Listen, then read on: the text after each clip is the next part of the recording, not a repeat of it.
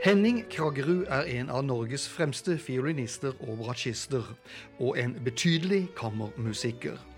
Han har siden debuten i 1992 vært solist med alle norske symfoniorkestre og en rekke store utenlandske. De siste årene har han særlig arbeidet med Nordnorsk Opera- og Symfoniorkester, som nå heter Arktisk Filharmoni.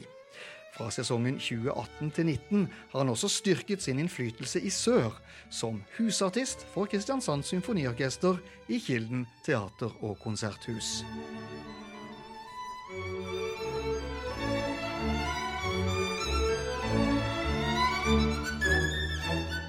Ja, det er en stor ære for meg å bli spurt om det. Jeg syns at uh, det samarbeidet Kristiansand Symfoniorkester og jeg har hatt gjennom ja, flere tiår, faktisk, siden jeg var solist her første gang, har alltid vært noen av de konsertene jeg syns har vært aller morsomst å gjøre. Så da jeg ble spurt om å være artist in resident, ble jeg utrolig stolt og glad. Og trives altså veldig godt med å spille med et så godt orkester. Ja, Beskriv det orkesteret du skal arbeide med.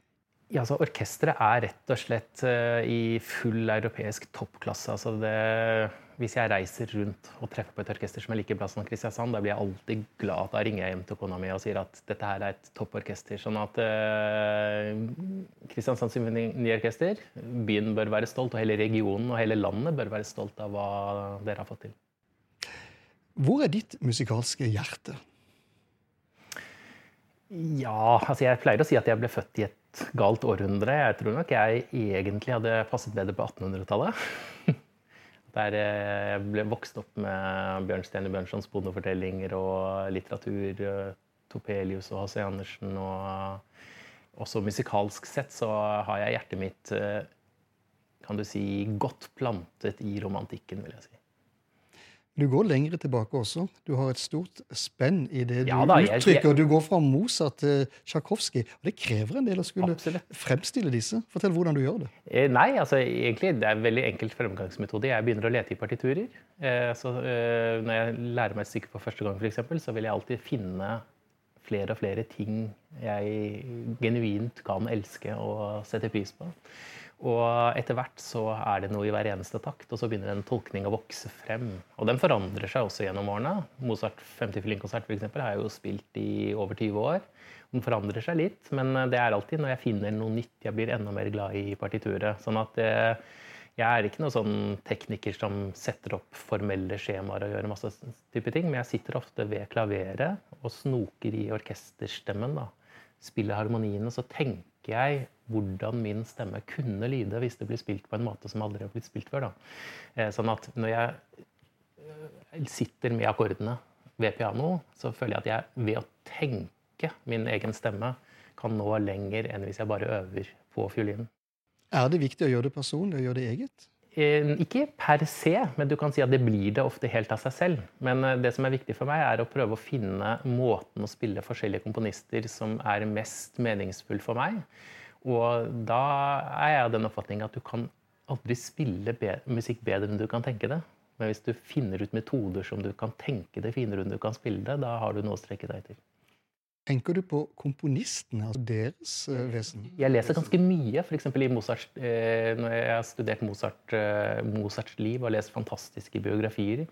Det er en eh, dansk dame, eh, Ingrid Andersen tror jeg hun heter, som har skrevet Mozart og hans tid, som beskriver hele tiden eh, rundt Mozart. F.eks. faktum eh, at i Mozarts krets så var alle så flinke til å danse i eh, Wien at det tilsvarte en profesjonell danser i dag. Folk sto ikke stille når de spilte konsert. Folk satt ikke stille når de hørte på konsert. Alt dreide seg om dans, og Mozart til og med uttrykte at hvis han hadde levd livet sitt en gang til, da ville han valgt å bli danser. Altså danset enda mer. Og med sånne faktum så eh, stiller jeg opp liksom mot hvordan Mozart vanligvis spilles i klassisk musikktradisjon i dag, så blir det litt, ofte litt sånn pent og musealt og mangler akkurat den, det ballettdansaspektet. Pluss at Mozart for eksempel, da var ekstremt opptatt av å skrive operaer. Det var det morsomste han gjorde. Så det å tenke hans instrumentalmusikk også på en operatisk måte, tenke at det faktisk er dialog mellom eh, to sangere eksempel, og en handling, det inspirerer meg også i tillegg. Så jeg, jeg prøver å nærme meg eh, musikk fra veldig, veldig mange forskjellige ståsted. Og inkorporerer da i hva jeg kaller øving, hva som helst som bringer meg videre. Lese biografier, lese gamle brev. Danse. Jeg står ofte på hotellrommet alene for meg selv og danser gjennom stykker jeg har tenkt å spille, skal spille. Eller synger det, til og med. Og når jeg føler jeg får liksom brukt hele meg, og det stykket blir en del av meg, da tar jeg også da avgjørelser uten å konferere med partituret. Da. Så har jeg lyst til å gjøre noe, eh, så vil jeg ikke la meg stoppe at ikke Mozart nødvendigvis har skrevet det inn i partituret. Da. Hender det at du er uenig med komponistene når du skal tolke? Du, det Mozart skriver jo ikke så mye, men en del senere komponister så syns jeg komponisten har begynt å blande seg i tolkningen til utøveren. Og da tenker jeg som så at um, Tenk hvis nå Ibsen, når han skrev Per Gynt, hadde sagt at uh, Per skal sies så og så sterkt, og så skal du sies litt sterkere. og Så skal man ta ett skritt til siden, puste inn før man sier 'du lyver'. Altså sånn, eh, noen komponister blir så utrolig spesifikke eh, at eh, da prøver jeg egentlig å finne essensen i det de har skrevet, men forholde meg friere til notasjonen.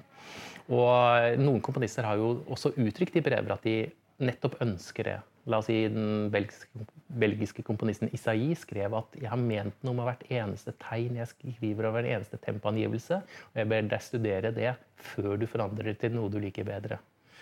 Og den attityden setter jeg eh, da veldig pris på. Men eh, noen komponister, da, hvis de da ønsker å gjennomkontrollere hele tolkningen og, og sette sette veldig mye tegn på hver eneste tone, så gjør de seg selv kanskje en bjørnetjeneste. For det vil, for å bruke Brahms ord, da, Johannes Brahms sa at hvis man noterer for mye, så vil det begrense de beste musikerne.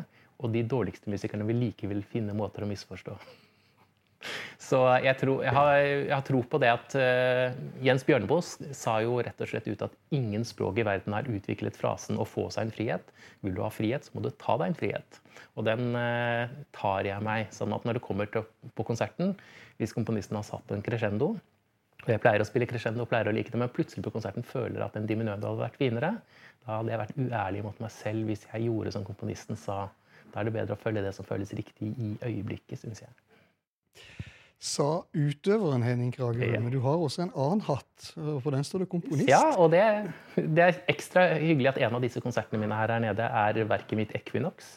Det er postludier i alle 24 tonearter for fiolin og orkester. Og eh, som komponist så har jeg akkurat det samme dilemmaet. For det, eh, hvis du skriver ingenting, så vil jo musikerne på en måte ikke har et utgangspunkt. Så jeg pleier å føye til i notene mine da at eh, dette er ment som eksempel på en av mange mulige tolkninger. Og at folk da har muligheten til å kunne forandre det etter forgodtbefinnende hvis de liker noe annet. Men da har man tross alt et utgangspunkt. Det er mulig å ha en prøve, og det står, står noe i noten.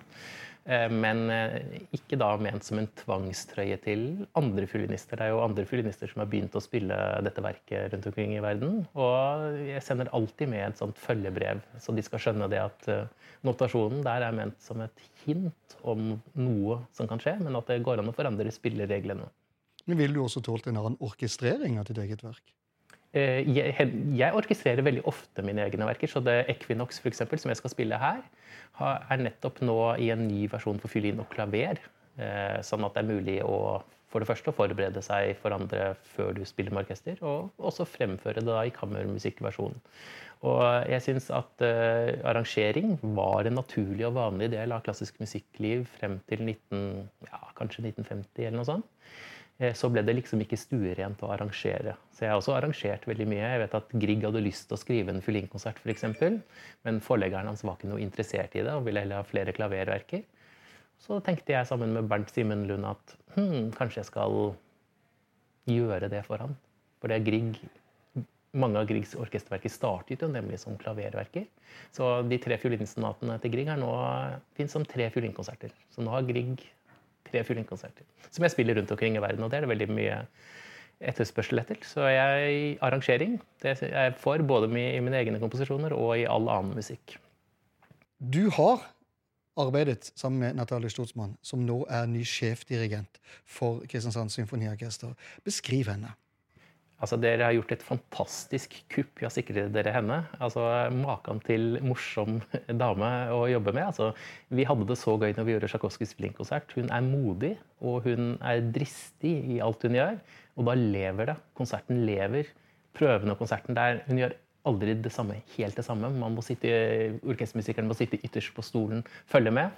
Og vi diskuterte også hvordan det var å innøve verker. Og, og eh, hun hadde en fantastisk beskrivelse av hvordan hun av og til brukte blanko og visket ut hva komponisten selv hadde skrevet av dynamikk og, og eh, strøk og, og, andre ting, og, og, så studerte verket bare notene. Og etterpå sammenlignet hun med hva komponisten hadde som tolkning.